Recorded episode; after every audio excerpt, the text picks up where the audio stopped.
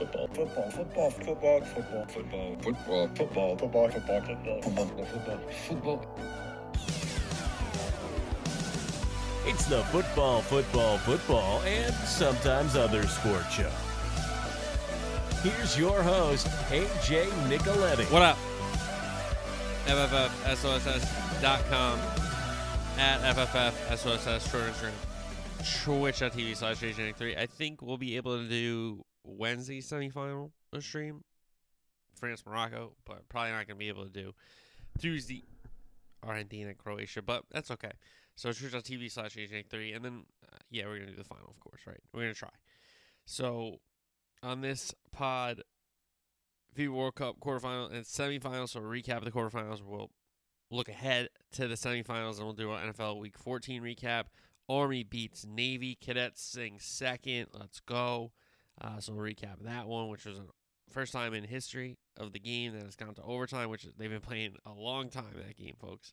little college basketball, and then Sarah Pool, locks, and pick six. Not a great week for pick six, so we'll try to bounce back for week 15. But FIFA World Cup, quarterfinal recap, semifinal preview, NFL Week 14 recap, Army beats Navy, college basketball, and then Sarah Pool, locks, pick six. Kickoff, I have to talk about, and I thought I was done. I thought I was done with Greg. I thought I was done with Greg until he either got a contract or did something stupid or said something dumb later. But I thought, okay, you know, 2020, we're done with Greg. Except we're not. So Greg Berhalter, the manager of the U.S. men's national team, does an interview where he says the following quote an example I can give you in this last World Cup, we had a player that was clearly not meeting expectations on and off the field, one of the 26 players, so it stood out. As a staff, we sat together for hours deliberating what we were going to do about this player. We were ready to book a plane ticket home. That's how extreme it was with him. And what it came down to was we're going to have one more conversation with him, and part of that conversation was how we're going to behave from here on out. There aren't going to be any more infractions. Continued. But the other thing we said to him was you're going to have to apologize to the group, but it's going to have to say you're going to have to say why you're apologizing. It's not going to go up there and say, uh, guys, I'm sorry. And I prepped the leadership group with this. I said, okay, this is what's going. This guy's going to apologize to you as a group, the whole team, and that was what. And what was fantastic in this whole thing is that after he apologized, they stood up one by one and said, "Listen, it hasn't been good enough. You haven't been meeting our expectation of a teammate, and we want to see that change." They really took ownership of the process, and from that day on, there were no issues with this player. As a coach, the way you deal with things the most appropriate going back to your values because it's difficult to send a player home. It was going to be a massive controversy. You would have been reading about it for five days straight, but we were prepared to do it because he was not meeting the standards of the group, and the group was prepared to do it as well. Okay, so this comes out, and one, you could just take it for what it is. I think it's bad way to coach, but that's fine. I'm going to disagree with a lot of what he does because I don't like him. And you could call me out on that, but I'll just tell you that first. I don't, you don't have to call me out on it. I'll tell you that. So I don't like his man management style. I don't like his tactics. I don't like his formations. I don't like his build. Like, I don't like anything, really. Um, and I think the player's skill level is bailing him out and making him look okay with some of the bad decisions that he makes. So this this quote kind of ferments, and people are now poking and prodding about a controversy that people weren't aware. This the U.S. men's national team hasn't played since last Saturday, two Saturdays ago. My mistake. What? No one was talking about this. Why was this brought up? And now he kind of goes and says, "Well, it was going to leak anyway, so I wanted to get ahead of it." But from what we understand as outsiders is that everything's handled in house. So the speculation kept growing and growing and growing until somebody broke that it was Gio Reyna. They had it in Jason McIntyre, this clown on Fox Sports who knows nothing about the sport, by the way. And you you can tell me he knows he knows nothing. Okay, he's just trying to he's a scroungy guy on Fox Sports One. Okay. Colin, like he's not even close to Cow- Cowherd. Like he just Cowherd wannabe. But he's like, it was 13 12 for him to stay. That's how close it was for him going home. Dude, what? So Taylor Twellman comes out. I texted three players. That's not what happened. There was no player vote. There was a vote, right? So he explains this whole thing. But nobody says it was Gio. Now Gio makes an Instagram post. Here's the quotes. Quote, I hope not to comment on the matters at the World Cup. It is my belief that things that happen in a team setting ought to remain private. That being said, statements have been made to reflect on my professionalism and character, so I feel like I need to make a brief statement. Just before the World Cup, Coach Berhalter, Berhalter told me that my role at the tournament would be very limited. I was devastated. I am someone who plays with pride and passion. Soccer is my life, and I believe in my abilities. I fully expected and desperately wanted to contribute to the, to the play of a talented group as we try to make a statement at the World Cup. I am also a very emotional person. I fully acknowledge that I let my emotions get the best of me and affect my training and behavior for a few days after learning about my limited role. I apologize to my teammates and coaches for this, and I was told I was forgiven. Therefore, I shook off my disappointment and gave everything I had on the field. I am disappointed that there is continuing coverage of this matter, parentheses, as well as some highly fictionalized version of the events, end parentheses, and extremely surprised that anyone on the U.S. men's team would contribute to it. Staff. Coach Berhalter has said has always said that issues that arise with the team will stay in house so we can focus on team unity and progress. I love my team, I love representing my country, and I'm now I'm focusing now only on improving and growing as a soccer player and a person. I hope that going forward each person involved in the US soccer focuses on only on what is the best interest of the men's national team so we can enjoy great success of the World Cup in 2026. So you ha- you made this kid make a statement when this story should have never got out.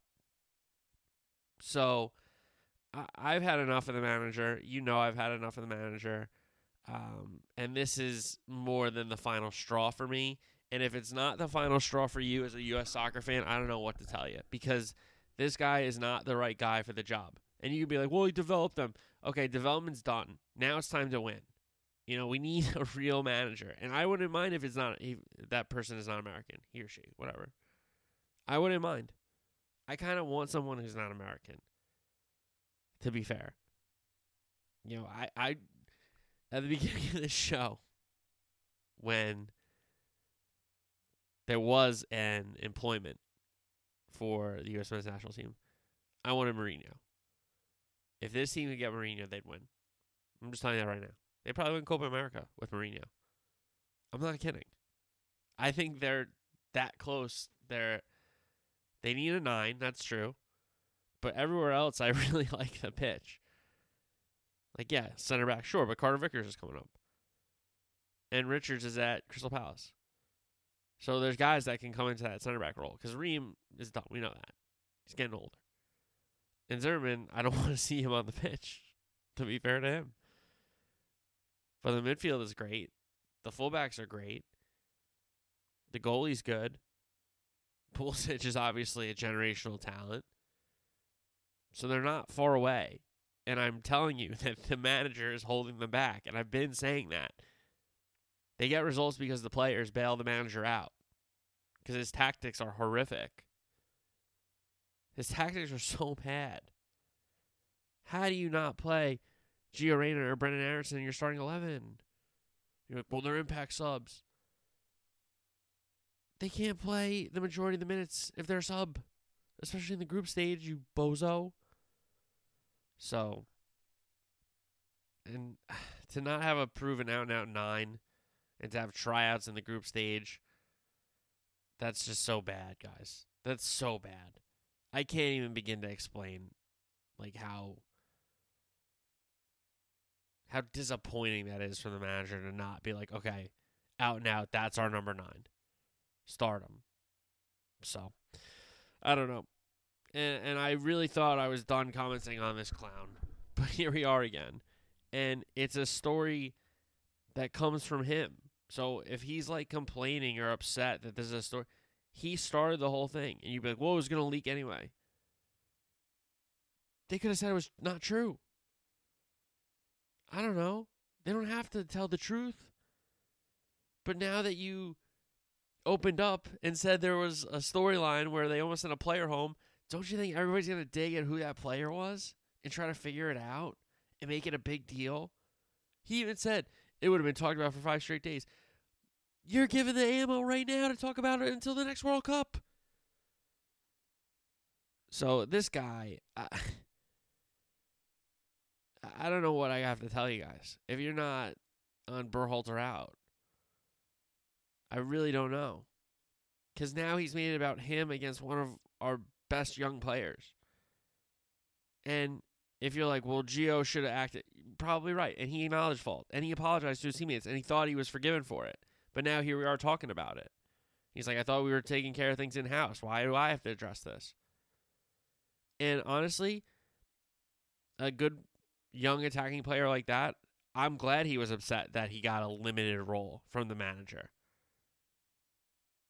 That showed me that he cared and it meant something. Yeah, you could say he was, oh, sulking in the video when they came back to the hotel. Good. Yeah, I, I, I think he's happy for his teammates, but he wants to be involved, and I think that's fine. Now, if he's like the last man on the team, number 26 on the roster, 25, the, then we can have a conversation. But he's a top 10 player in the team. He might he might even be top five player in the team. So I have no issue with him being upset. And if you have an issue with him being upset, you weren't a real athlete. That never got like told they were getting a limited role or whatever. I mean, like, well, AJ, you got told you. Were... Everybody gets told it. Every everybody isn't a plus all the time. So when you get told you get a limited role, like yeah, it hurts. But then you got to suck it up and be a good teammate. Now, if he was like he wasn't being a good teammate the whole time, fair. But then he apologized for it, and he addressed the group for it and got better from it. So why are you even talking about this? Why did this come up? Why was this a story? Oh, because the manager has to say he was right about something. What are we doing here, guys? When is U.S. soccer going to wake up and be like, we got to get a real coach?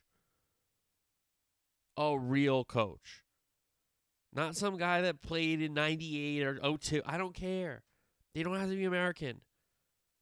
I just want them to win matches. You'd be like, well, this guy won matches. Yeah, but in the big games, his tactics killed us. His subs killed us. The identity of what we were trying to do did not help us score goals. So I don't want to hear it. I don't. I gave him credit when he got through the group stage. That was what we should have done. We should have finished in second in that group and we should have got knocked out in the round of 16. That's what, sure. But a lot of us have bigger aspirations for this group than just doing what's expected.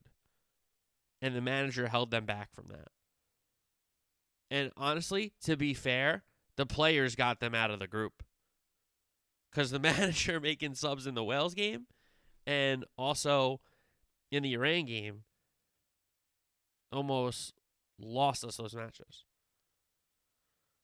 So I'm just, I can't believe we're talking about this clown. I spent way too much time talking about this bozo manager and, and wasting my breath on how, what clown thing he did this week. I, I'm sick of it. He's not a good enough coach to put up with all this nonsense. That's really what it comes down to, guys.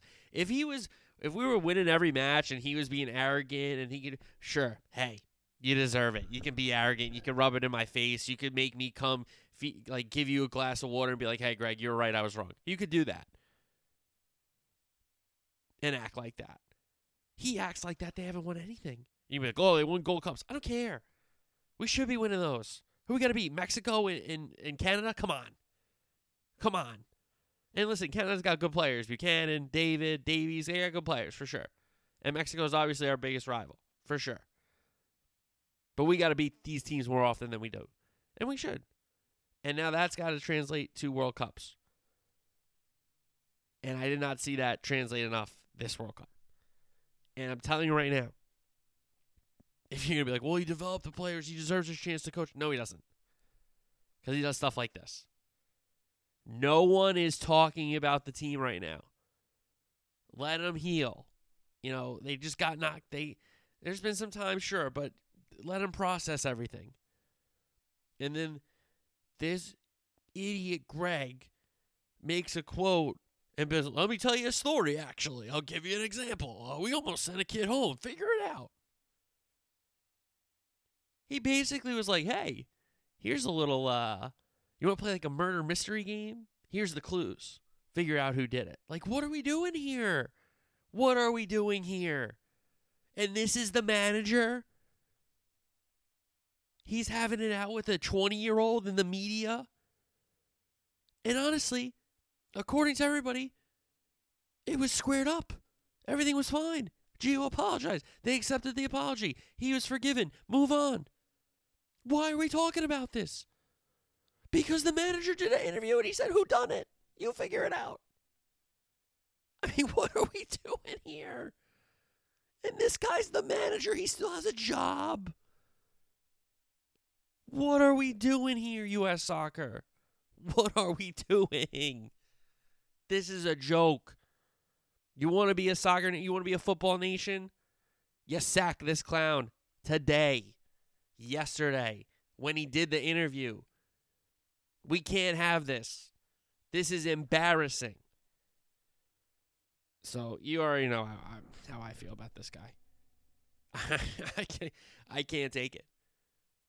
I cannot take it. How does he still have a job? It amazes me. It really he he has dirt on everybody. I guess. Uh, I wasn't gonna talk about it. I had to talk about it. Let's talk about some real games that happen instead of these stupid political games played by a coach and a, a winger in the U.S. Quarterfinals: Croatia, Brazil. We'll talk about it first. One-one after extra time. It goes to pens, and Croatia score four and only concede two. Brazil out at the quarterfinal. Only real first uh, first half chance was a Perisic on a cross. He was coming towards the cross, could not get good contact on it. So we go to the second half. Ball in. Gvardiol like redirects it, and Livakovic makes an unreal save. Like I don't know how he makes this save, how he reacted in time, but he makes a save. Uh, Brazil get another chance, but it gets blocked off. Um, Neymar shot save. Paqueta chance saved. Uh, Richarlison plays Neymar through another save by Livakovic, and then Paqueta his shot saved by Livakovic. So we go to the extra time. Perisic has a chance. He blasted over the bar. And then towards the end of the first half of stoppage uh, extra time, Neymar 1 2 with Rodrygo, Uh, driving run. Plays it into Paqueta. Gets it back from Paqueta. Dribbles Livakovic and roofs it. 1 0 Brazil. All they had to do now was see it out. 15 minutes of the second half of extra time, and they were going to a semifinal. Except here comes Croatia on the break. Orsic, great run, cuts it back. Petkovic shot, beats Alisson, the equalizer. Croatia score with their first shot on target in the 116th minute. Absolute madness. How? How, how, how? That's the sport, huh? So we go to pens. Croatia go first. Vlasic scores. Rodrygo up for Brazil. Saved by Livakovic. He's made save after save in these penalties. Majer roofs it. Uh, Casemiro scores. So 2 1 after two shooters. Modric, captain, scores. Pedro, who was in for Richarlison, subbed on uh, because Gabby Jesus was hurt. Pedro scores. So we're in the fourth round. Orsic scores, and Marquinhos must score to continue the shootout to get into a first round.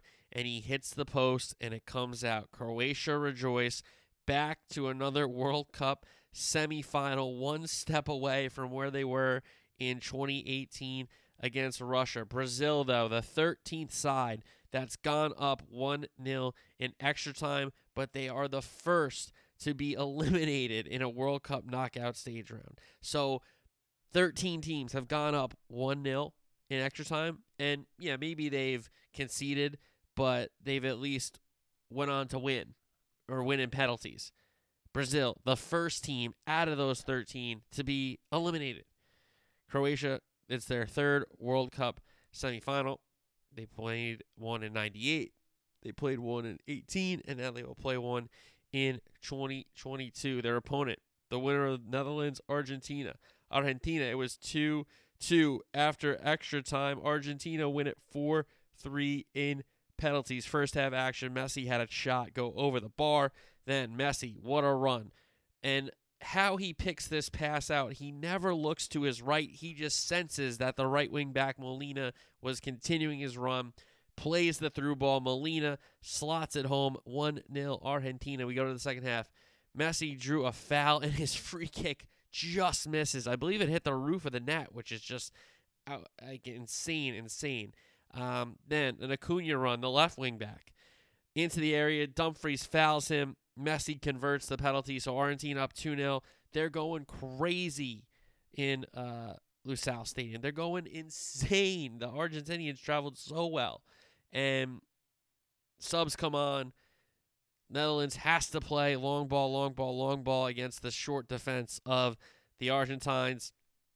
Uh, Martinez, Emi Martinez ends up catching across. Luuk de Jong fell in front of him after they kind of bodied each other at the top of the catch, and Martinez stood over him. That kind of got a little bit of the heated animosity going, I, and the referee was very poor.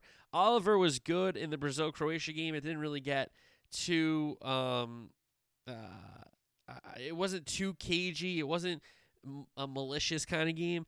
This Netherlands Argentina game got away from one of my favorite refs. And honestly, he's one of my favorite refs because if he doesn't ref a Liverpool game or a team that I like watching, it's just insane for the neutral to watch. I mean, they're just theatrics. He's yellow carding people. He's yelling at people on the bench. He hears everything. He like it's insane what the referee does. Um, but he let that go, and then we get a Dutch build up. Berghuis, Cross, Weghorst, who subbed on along with Luuk de Jong. His header beats Martinez, so it's 2 1. Dutch get one back. And then it all kicks off. Paredes fouls Nathan Ake and then fires the ball into the Dutch bench. Van Dijk comes over and bodies Paredes with his chest. Um, so they're both booked for that one. Um, and it was just kind of like absolute madness on the near touchline that by the Dutch bench. So many players involved, so many cards, no sending offs, and then we get into stoppage time and the Dutch win a set piece and you're thinking, okay, I mean they got to put it on net, they got to give a chance but it was a unbelievably designed set piece, and it was rolled from Koopmeiners to Weghorst. He takes a touch, beats Martinez. We're level 2 2. And that was in 10 minutes of stoppage time. So Argentina had a problem with the stoppage time um, and some of the officiating calls. Netherlands had a problem with the referee in general. Um, so everybody was kind of mad at the referee. So we go to extra time. Quiet first half of extra time. We get into the second half. And Argentina had a lot, a lot, a lot, a lot of chances in the second half of extra time. Messi had a shot, fires high. Uh, Enzo Fernandez cuts it back to Lautaro. His shot blocked would have been a goal. I think it was Van Dijk that might have blocked it. Uh, then Fernandez, another shot gets deflected. Noppert looked like he was going to be there, but um, it went high over his net. Then Messi plays it for Lautaro Martinez, his shot save, and then it comes all the way out to Enzo Fernandez, last kind of chance, his shot goes off the outside of the post. And we were destined for pens. And after Neymar had not taken one for Brazil, you expected both captains, Virgil van Dijk and Lionel Messi, to be one of the early takers. They just happened to be the first two takers. Netherlands went first. Van Dijk saved by Martinez. Messi score. So Argentina up 1 0. Then Berghuis, his penalty saved by Emi. So two Dutch penalties, two Emi Martinez saves. Paredes scores for Argentina, so they have the advantage. Koopmeiners gets one on the board for the Dutch. Montiel scores for Argentina. Weghorst scores to continue it, and Enzo Fernandez, the kid, has an opportunity to end the shootout. He beats Noppert, the keeper, but he hits the outside of the post and out. So we go to another round. Luuk de Jong scores to continue it, and Lautaro Martinez had a penalty to win it. He scores. Absolute scenes. Yeah, were the Argentines sore winners? Sure, but Netherlands were like walking up to each Argentine shooter before they like went up there and like were in their ear and, and not like bumping them and stuff. Like that's crazy. So I you can't play victim when you were doing the same stuff, and I don't think Argentina would have played victim if they lost. But um, yeah, it it wasn't pretty. It was definitely a little rowdy towards the end of the game. You got Messi going up to Van Gaal saying you talk too much. Um, though the Luuk de Jong and Weghorst stuff in the tunnel with Messi and Kun and Messi's like, "What are you looking at, clown? what are you looking at, clown?" Um, while he's doing his press game, uh, post match presser. I mean, that was unbelievable. So, um, what a scene in this match.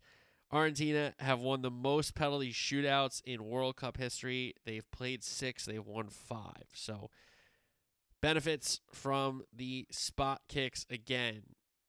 Argentina and the Messi dream continues where Neymar's in Brazil ends, Croatia's and Luka Modric's goes on, as does Lionel Messi, and they have a date on Tuesday. We'll preview that one after we get through the rest of the quarterfinal matches. Let's go up next to Morocco and Portugal.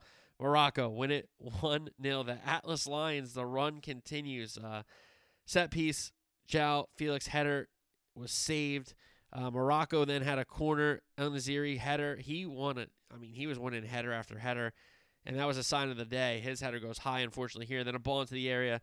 Naziri beats Diaz and Costa the ball higher than the Ronaldo famous header when he was at Juventus uh, the Serie on this one, and it was 1 0. So he headed home the goal.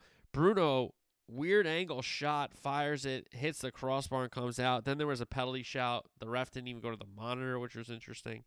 Um, Morocco then had a chance on the break, but it went wide. Second half, Morocco set piece, a good save by Costa to keep it 1 0. Ronaldo and Cancelo come on. Uh, Saiss went off for an injury, one of the stalwarts on the back line for Morocco. So they had a lot of injuries on that back line besides Hakimi, really. I think they had new players at each position besides Hakimi. Uh, Bruno had a shot, can't hit the target. Then Bruno plays in a cross. It's just over Ronaldo's floating head. Then a giveaway. Ronaldo leaves it for Jao. Good shot, good save out for a corner. They get another attack, through ball for Ronaldo, another good save.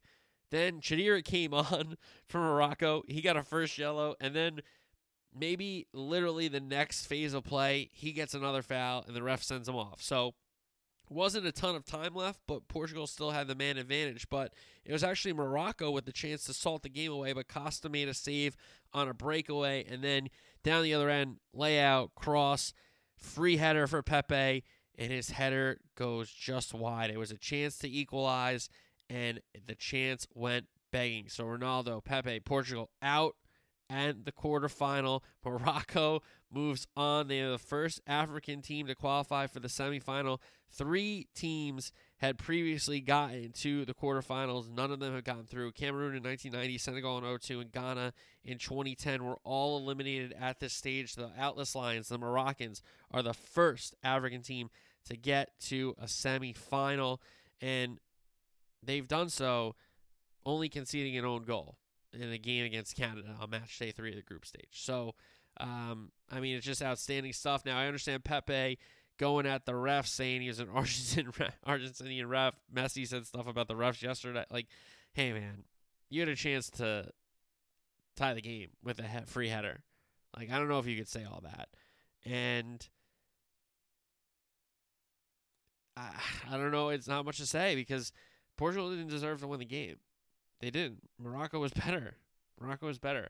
Uh, the coach from Morocco, uh, Walid Regragui, I think that's it is Gragru, Gragru, uh, has reached the World Cup semifinals in just eight matches as a national team coach. It's the fewest number of games managed before reaching the stage since Otto Gloria, who did it with Portugal in 1966. It was literally his fifth match. What the hell? That's crazy. Ronaldo stat. He has failed to score in all eight of his knockout stage appearances, including the third place playoff. Um, 570 minutes without scoring and taking 27 shots in the process. So Ronaldo, most likely World Cup career done. Portugal out and back to back days. Brazil and Portugal go out, which is um hey, credit to Morocco. But Portugal, I mean, they're thinking they're walking in the semifinal because they're not going to get Moroccan, but they, they, they, they were getting Moroccan. England, France. Winner plays Morocco, and it is France 2 1 over the English. Uh, early action, Dembele had a cross through. Header was saved by Pickford. Then Mbappe laid it off for Dembele. He plays Griezmann. Griezmann across to Tchouameni, who absolutely smashes home past Pickford. 1 0 France on the board with that Tchouameni strike. Kane then went around Upamecano. Upamecano could have been a pen, saved by Lloris. Comes out to Kane. He makes a good strike on the ball. Another save by Lloris. Second half action. Bellingham had a chance, saved by Lloris. Then Saka, 1 2 with Jude Bellingham. Back to Saka. He earns a penalty foul. So Kane against his club captain. Lloris against his talisman at Tottenham. Kane beats him, makes it 1 1. And then straight away for France, Rabiot had a chance on a ball that went over Mbappe's head, if I'm not mistaken. It fell to Rabiot in the middle of the park and forced Pickford to make a good save. Then Saka had an opportunity. Hendo set piece for England. Maguire free header goes wide. Shaw had a cross. Saka was going to be in, but Theo Hernandez did a really good job to beat uh, Saka to it. Then Mbappe to Rabiot. Dembele knocks it down to Giroud. Amazing Pickford save. Gets cleared out. Recycled. Griezmann on the far side. Ball in. Giroud header. Bang. 2 1 just like that for France. They were back on top in the second half. But England did not go away. Long ball over the top towards Lloris's uh, net. Mount making a really good run, and he got clobbered from behind by Theo Hernandez. So it's a penalty. Penalty. So Kane with another chance from the spot to level the match. This time to make it 2 2 just really before stoppage time and, and most likely get the game to at least uh, extra time. If not, have the momentum to possibly win it in the 90. But Kane steps up and skies the penalty. 2 1, France still lead, but England pressing and pressing and pressing. Maguire earns England a free kick, and it's going to be the last kick of the match. And Marcus Rashford tries to level it, and his free kick hits the roof of the net. So England's chances go begging. They're eliminated in the quarterfinal to last year's or last competition's winners in England with this loss in a quarterfinal. It's the seventh time they've lost in the quarterfinal in this stage of the competition, and that's the most by any nation. France are the first team to win a World Cup game despite giving up two penalties since 1966. That's unbelievable. Unbelievable. So England out. Um, hearing a lot of comments about Southgate. I would say if I was an England fan, how do you take Bukayo Saka off the pitch here? Saka was awesome. Um, so I didn't agree with h- taking him off. And honestly, like Raheem Sterling to come back to the team after what happened with his home with his family, like that's commendable for sure. But how is he fit to come into a World Cup quarterfinal that you don't bring in Grealish that's been like your super sub for how long now? Like, I don't know. Like you could have kept Saka on. You could have taken Foden off. Foden wasn't great, and I'm a big Phil Foden guy. So to, for me to say he wasn't great, he wasn't great. Um, but Saka should have stayed on. Saka should have stayed on, in my opinion. There's no doubt that Saka should have been on the pitch for me. So uh, England out, France move on, and Mbappe had some chances, but you could say that England did all right against Mbappe, and it was a Tchouameni bomb, and it was a Griezmann Giroud cross header connection that got him beat. So you can't even say like they got Mbappe. They didn't. They didn't. But you have your guy on the spot to give yourself some life here, and late in the second half, you think you're gonna level the game at least there and give yourself a chance, and he skies it. Like commendable that they kept fighting. um, but yeah, I, that's got to be tough. It's not coming home again for the English. All right, let's go to the semis. First time since 1990, the defending World Cup champion and runner-up have advanced to the semifinals. That's pretty cool. Pretty cool. So we have Croatia and Argentina. Third meeting, it's their first in the knockout round. They were grouped together in 2018. Uh, that game was 1 0 for a long time, if I'm not mistaken. Rebic opened it up, and then Modric a wonder goal, Rakitic scoring later. So it was 3 0 Croatia um, in the group stage. Then 98, Argentina beat Croatia 1 0. Eight of Croatia's last nine tournament knockout games have gone to extra time. And with this crew, that's a lot of minutes in those legs. Now, um, I'm sure that the recovery and all that will be would have gone ongoing since the final whistle uh, or the last penalty and the celebrations stopped um, on Friday. There, I figured the the recovery would have been instant. They're gonna need it, and if this goes to pens, Livakovic has been excellent. He's been a penalty shootout hero for this uh, country. There's not much to say on how good he's been. He's been excellent, and he's kept them in games. He kept them in the Brazil game, and then made some big, uh, made a big save in the pens. Um, they've been really, really good. They've been really, really good. Uh, Sosa and Juranovic, the fullbacks, been solid guys. I, I wouldn't say that they've been like world beaters, but Juranovic going down the right side, he's very adventurous and he causes some breaks, causes some havoc. Sosa's been solid. He had to go. Um, who was he against? Rafinha, no, no Vinicius. That was a tough assignment, but he did well. No, he was against Rafinha. My apologies. Um, the midfield: Modric, Brozovic, uh, Kovacic. What do they have left? What do they have left? I think Brozovic is leading um, in miles ran or meters ran, whatever it is. I think Brozovic has ran the most in the tournament. Um, Modric has been so amazing, and Kovacic has been there to help out. Up front, I think you got to go with Kramaric, Perisic, and Pulisic again if you're Croatia. And how this, how they win this game is they keep it tight, they get it to extra time, and they they win it in pens. Like I don't know if Croatia can beat Argentina in 90 minutes. Similar to Morocco, I didn't know how many chances they were going to get against Portugal. I don't know how many chances Croatia is going to get against Argentina. Remember, they score with their first shot in the 116th minute against Brazil to level that match. So they had not really generated anything. They had generated only really half chances to that point. Um, so this Croatia side, they're not they don't play away from themselves. They know they're not gonna like get five, six, seven, eight chances and just whip the ball around the pitch. Like they they understand they have to be pragmatic. They understand they're gonna have to defend and try to make the right decisions. So, um, you know what they have to do to be successful.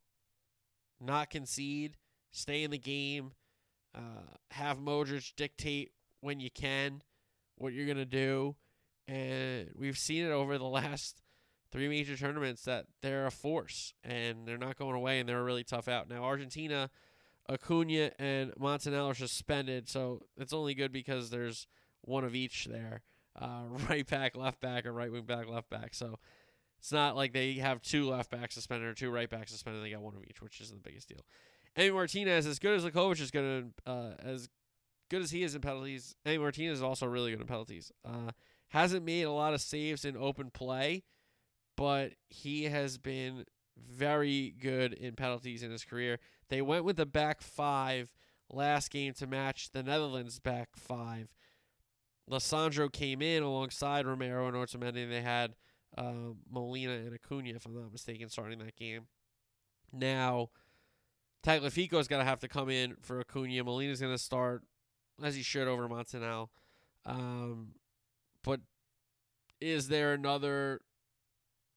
I I think it matters on Di Maria's status. To be fair, if he goes with back four, back five, Scolani, uh, Scaloni, sorry, because if Di Maria is in, then that you, you bring him in, you play him. You have to play him. He's a difference maker in your team, and he has to be up top. So that takes away one of your defenders unless you're going to take out one of the midfielders because you're going to play Alvarez, who's been really good. Obviously, you're playing 10. Uh, who would you not play? I think it would be a defender out, so it would probably be Lisandro Martinez out, Romero and along with Molina, Tagliafico, and then De Paul, Enzo Fernandez, and Mac Allister has been a really, really solid midfield. And Paredes comes in off the bench to settle it down or, you know, that kind of thing if De Paul's been like running like a madman or on a yellow card. But Enzo Fernandez has been awesome. Mac Allister's been so good. And De Paul knows his role, does his job, wins the ball back, physical, makes runs, all that kind of stuff. Paredes knows his role off the bench. Di Maria, he was substituted on, did not take a penalty, if I'm not mistaken, right? I don't think he took a pen. No, he didn't take a pen. Um, so was he healthy enough to go for long, or was he just kind of hey, do what you can do, your fresh legs kind of thing. So, um, if he can start and he can play, and if he's a difference maker, look out, look out, because that's trouble. And then I think you have to play Alvarez over Lautaro Martinez because Lautaro Martinez has come in and not scored, and then obviously you have Messi. And I think Argentina win the game. I think it's a really entertaining game. It's a tense game. It's on edge. Um, Gvardiol and Lovren against Messi, Alvarez, Di Maria, you know, along with Solson and Juranovic for that Croatian defense. Who wins in the midfield? You have a th- all-time midfield for an international midfield in Brozovic, Kovacic, and Modric. These this new wave for Argent uh, Argentina, Argentina, uh, De Paul, McAllister, Enzo Fernandez. They've been really special themselves, and then Messi or Modric, who, whose magic is going to be more applicable. How many tricks do we see? So I got Argentina winning 2 1. Morocco, France. History. These teams have played each other, but never in a major tournament. Uh, Morocco, again, has not conceded a goal besides an own goal. First, Canada. Cheddira is suspended for this one. Bono has been great between the posts. Saiss is an injury concern along with some of the other guys on the back line, but Hakimi will be in there. Amrabat will be in the middle of the park, and then Ziyech, El and Boufal have been so good in attack. Ziyech on any set piece is dangerous. Uh, En-Nesyri has shown that he's going to jump with defenders and be able to win headers.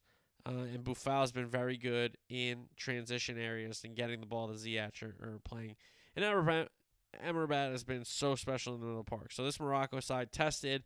They're playing a little Simeone ball. The manager was saying uh, frustrating teams, getting it to only mean like one or two moments matter in the game. Um, and it's going to be a tough test for this French uh, French side. The champions, Lloris. We know the goalkeeper's been excellent. Theo is going to be the left back. Koundé is going to be the right back. Pavard is not getting his spot back over Koundé so far. He's been pretty solid. Uh, Upamecano and Varane will be the center backs. It seems like that's been the partnership. Doesn't seem like Deschamps trust Saliba enough. It seemed like Konate was getting the nod over Saliba, but we'll see. Uh, Rabiot and Tchouameni in the midfield two, and then three one. Dembele wide, Mbappe on the other side, Griezmann in the ten, and Giroud at the nine. That will be the French eleven. I would not be shocked uh, to see France not make a change in their 11 going forward because that 11 knows how to play with each other now. Uh, I, would have thought Camavinga would have been in the team. He just hasn't really been getting minutes. Rabiot's been really good for Deschamps, so I think he's kind of rewarding him finally because Pogba and Kanté have been in Matuidi. Those guys have been in the midfield when Rabiot hasn't been able to be in the midfield. So I think Rabiot's getting rewarded here, and he's making the most of it, and you got to give him credit um, because he's getting goals, creating chances, making things happen. Um, now, has it really just been yeah Rabiot, Tchouameni, and then the rest have been Mbappe and Giroud goals? Yeah, but they're coming from different areas. Griezmann's had assists. Dembele's had assists. Um, they've been working the ball, even though it's kind of been a lot of the same goal scorers, they've been moving the ball and working it and switching it. And I really think this French side destined now to get back to the final. Morocco, it will be it will be hard. It will be cagey. It will be tough. But this French side has the experience, has the talent, and I think at some point, like Morocco's not going to the final. As much as it would be like really cool and cool for the continent of Africa to get a possible champion in the Arab world and the Muslim world and all to be rooting for them. It would be really cool in the final. It would be like insane for sure. But at some point, a lot of these Cinderella teams end up losing. And I think it ends for Morocco in the semi to France. And France have a chance to go back to back. And we'll no matter what happens, we'll recap that on Thursday's show and look ahead to Sunday's final. All right, NFL talk, NFL Week 14 recap. Atlanta, Chicago, Green Bay, Indy, New Orleans, and Washington on the bye. Thursday night, we got started with a Rams comeback for the ages. Rams win at 17-16 over the Raiders. Uh, early action, Carter Adams, big play. Carter Abdullah, first down. Jacobs run set up goal to go, and Josh Jacobs got into the end zone, so it was 7 nothing. Raiders. Then they get a Carlson field goal after a couple of Mack Hollins good plays. Bacon. Bake uh, did not play the first series, but he was in on the second series for the Rams. He had just gotten there. Baked to Van Jefferson, big play. They settled for a Gay field goal to get on the board. And then the Carlson gets a second field goal for the Raiders. Rams are driving, but Akers fumbles, and then uh, the Raiders throw. Uh, Carr throws a pick in the end zone before the half ends. So later in the game, the Rams take a really dumb penalty that made a longer field field goal for Gay that he ends up missing. Uh, Carlson gets a third field goal, so it's 16-3. I think the game is over, but Rams get going. They get a free first down on a defensive offside on a fourth down, another first down on a third and four neutral zone infraction. Bake to Tutu Atwell for a first down. Fourth and one, Bake Cam Akers. They barely get the first down. They review it, and then Akers barely gets in the end zone, but he's in nonetheless. So it's a six point game. Rams end up getting it back. The Raiders did a great job of pinning them deep at their own three with no timeouts, 145 to play. Bake threw a pick, but it comes back on a defensive pass interference. Then an unnecessary roughness penalty gave the Rams some more yards. Bake to Skowronek, a jump ball, big play along the sideline, and then a go ball along the left sideline. Bake to Van Jefferson, touchdown. Gay makes the extra point. uh, Carr throws a pick, and the Rams somehow, with a quarterback that they acquired just days before, beat the Raiders. They end their winning streak, and the Rams win it 17 16 at home on Thursday night. So we go to Sunday's games Ravens, Steelers, AFC North Showdown. Steelers win it 16 14. It was Huntley in for Lamar. Ravens were moving it, uh, but they have a run. It's short of the line of the game. They challenge it, but it's still fourth and one. They go for it. They get it. It all leads to a Tucker field goal. Then a Dobbins run sets up goal to go for Dobbins to punch it in. So the Ravens up 10 nothing. Pickett was then in the locker room. Mitch was in. Mitch to Pickens, big play, go to goal. Next play was DPI, so they got another goal to go. Najee Harris breaks the plane. Ravens up 10 7. Ravens going for it again, fourth and one. Huntley doesn't handle the snap well. Turnover on downs. Mitch then got picked off. Huntley to Jackson. Big play. They sell for another Tucker field goal, so it's 13 7. Mitch picked off before the half ends. Then Huntley gets hurt, so in comes Anthony Brown. Mitch gets picked again. Steelers get it back on the move. Right field goal gets blocked. Ravens get another Tucker field goal. Mitch Freiermuth made it a two point game, but the Steelers kick it deep with some timeouts, and the Ravens run out the clock. So the Ravens, again, not impressive, but they find a way to win. Give them credit. Uh, Vikings and Lions. I told you the Lions would win this, would win this game. They did 34 23. Vikings punting early, but a flag makes it fourth and one at their own 46. They go for it. They end up getting stuffed. Two plays later, Goff, Jameson Williams, his first reception of his career is a touchdown. Lines up 7 nothing. Cousins completions to Jefferson Cook. Jefferson again, back to back goal to goes after penalties. Dalvin Cook ties the game at 7 with a rushing touchdown. Goff slides, tack on an unnecessary roughness flag, but the Lions end up turning it over. They had fourth and fourth. The Viking 39, so they turn over on downs there, but they get it back. One play drive, Goff, Shark, touchdown pass, lines up 14 7. Vikings drive it right down the field. Goal to go situation. Cook looked like he was going to throw the jump pass, but the ball got knocked out. Lions recover. They move it, but Badgley misses the field goal. Uh, they get it back. Lions fake a punt inside their own 30, and here they go. Goff to St. Brown. Then he hits Shark. Then he hits Raymond. They all for first down. Goff, Reynolds, touchdown. Lions up 21 7. Cousins.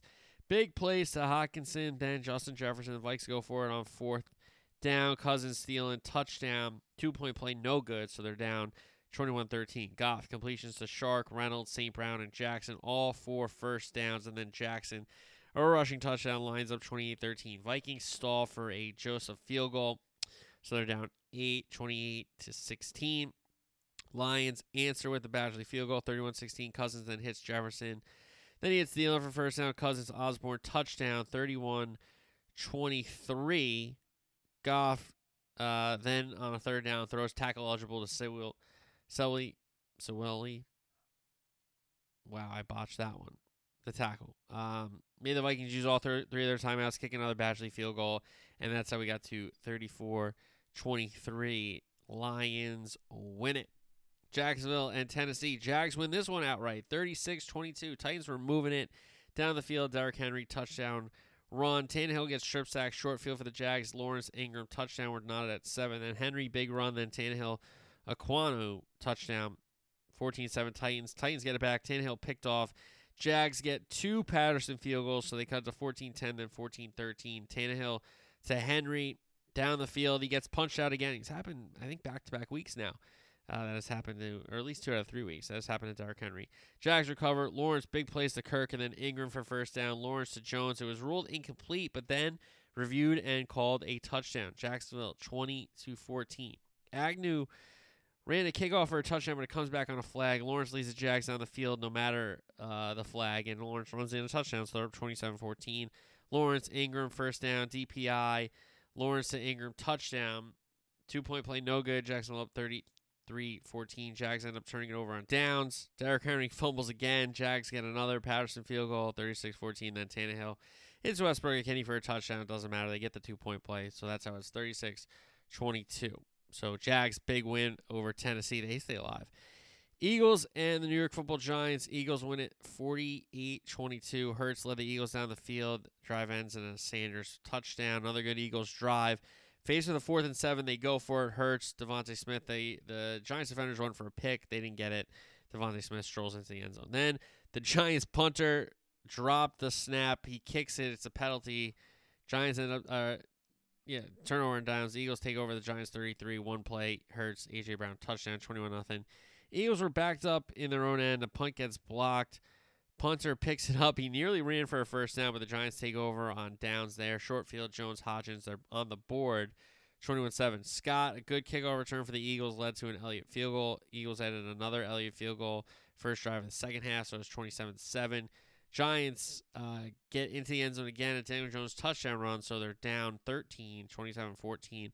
Another good Eagles drive ends in a Hurts touchdown, 34 14. Giants turnover on downs. Miles Sanders touchdown, 41 14. Taylor fumbles in for Daniel Jones. Boston Scott touchdown, 48 14. And then Tyrod Taylor throws a uh, touchdown to Hodgins to make it 48 22. So, uh, Eagles impressive again against uh, a division team, but a team they should beat, and they did. Bills back at home finally after the snowstorm and playing on the road for a couple weeks. They beat the Jets 20 to 12. Punt fest in the first half. Mike White gets drilled and hurt on a completion to Garrett Wilson. Flacco in for two plays, but Mike White returns. Bills face with the fourth and one, and CJ Mosley tried to time the snap. He jumped over the line of scrimmage for an encroachment. Josh Allen then scrambled for a first down. Allen Knox touchdown. Bills on the board, seven nothing. Second half, White to Wilson first down, White to Berrios first down. He hits Mims for another first down, and then Xavier Knight punches it in 7 7. Bills come back. Allen and Diggs big play. They get a DPI for another first down, then Allen touchdown run. 14 7 Bills. White drilled again. He's out of the game. Flacco strip sacked. Short field for the Bills. Bass field goal. Uh, Bills take over around midfield. Singletary gets a first down, another Bass field goal, so they get it up to 27. Mike White comes back in. Bills were pinned deep in their own end. Uh, punt gets blocked for a safety, so the Jets add two there in the ensuing possession. Carter fumbles it. Jets get it back. Greg leg field goal, 20 to 10, uh, 12. And the Jets get it back again, down eight, but they turned over and downs. They had fourth and 10 at their own 21, failed to convert. So the Bills get a home division win over the Jets. Cleveland and Cincinnati. I told you on last Thursday's show that Joe Burrow had not beaten the Browns yet as a Bengal, and guess what? He did it on Sunday. Bengals won it 23 to 10. Fourth and one at the Cincy 25. They bring Brissett in for Deshaun Watson to try to fool everybody that was going to do a quarterback sneak, and then he throws a go ball that was incomplete. So that was kind of weird. Bengals uh, punting, but a roughing the passer uh, on the Browns keeps the drive alive. DPI goes to the Cleveland 30. Burrow scrambles for a first down, then Burrow Chase touchdown. Bengals up 7 nothing. Good Browns drive ends in a York field goal, so they're on the board. Bengals up 7 3. Burrow to Chase first down. Burrow to Taylor, long third down conversion. Then Perine touchdown. McPherson misses the extra point, so it's 13 3. Cincinnati, they get it back. Flea flicker. Burrow to Irwin, touchdown. Bengals lead up to 20 to 3. Here come the Browns. Watson to Peoples Jones twice for first downs. Then he finds Njoku on a fourth and five. Then Njoku again, and then Njoku for the touchdown. Browns into the end zone. Lead cut to 10. Mixon a big run. Burrow Chase first down. McPherson field goal makes it 23 10. Watson gets picked off. Burrow gets picked off. Browns uh, eventually turn it over on downs twice. They had fourth and goal, and then they had fourth and four at the Cincinnati 42, unable to get first downs in either situation. So Cincinnati, a division win at home against a team they had not beaten. So credit to them. Houston and the Dallas Cowboys. This was supposed to be a bloodbath, and credit to the Cowboys. They went up seven nothing. Dak to CeeDee Lamb, Pollard a good run, Zeke a good run, and Tony Pollard scores on the end around. And they're getting the ball back, but KaVontae Turpin muffs it. Short field for the Texans. Driskel and Mills were in and out of the lineup. Um, and Pierce runs it. Goal to go. Pierce touchdown. So it's tied at seven. Cowboys give it right back. Um, three and out, if I'm not mistaken. Mills to Moore, first down. Fairbairn field goal. So the Texans have the lead, 10 7. Uh, third and long. Dak to Noah Brown. Deep ball converted. Tony Pollard run sets up goals to go. And then Tony Pollard catches it out of the backfield in a great um, show of balance to stay in bounds and score the touchdown there. So the Cowboys in front 14 10. You're thinking, okay, here we go. Uh, settle in, go take the lead, don't give up any more points, and call it a day, right? Well, the Texans turn it over on downs. They had fourth and three at the Dallas 42, but Dak gets picked on a deflection. Texans, short field. Driskel, Amari Rogers, they just picked him up. It's a touchdown. Houston back in front, 17 14. Cowboys try to drive it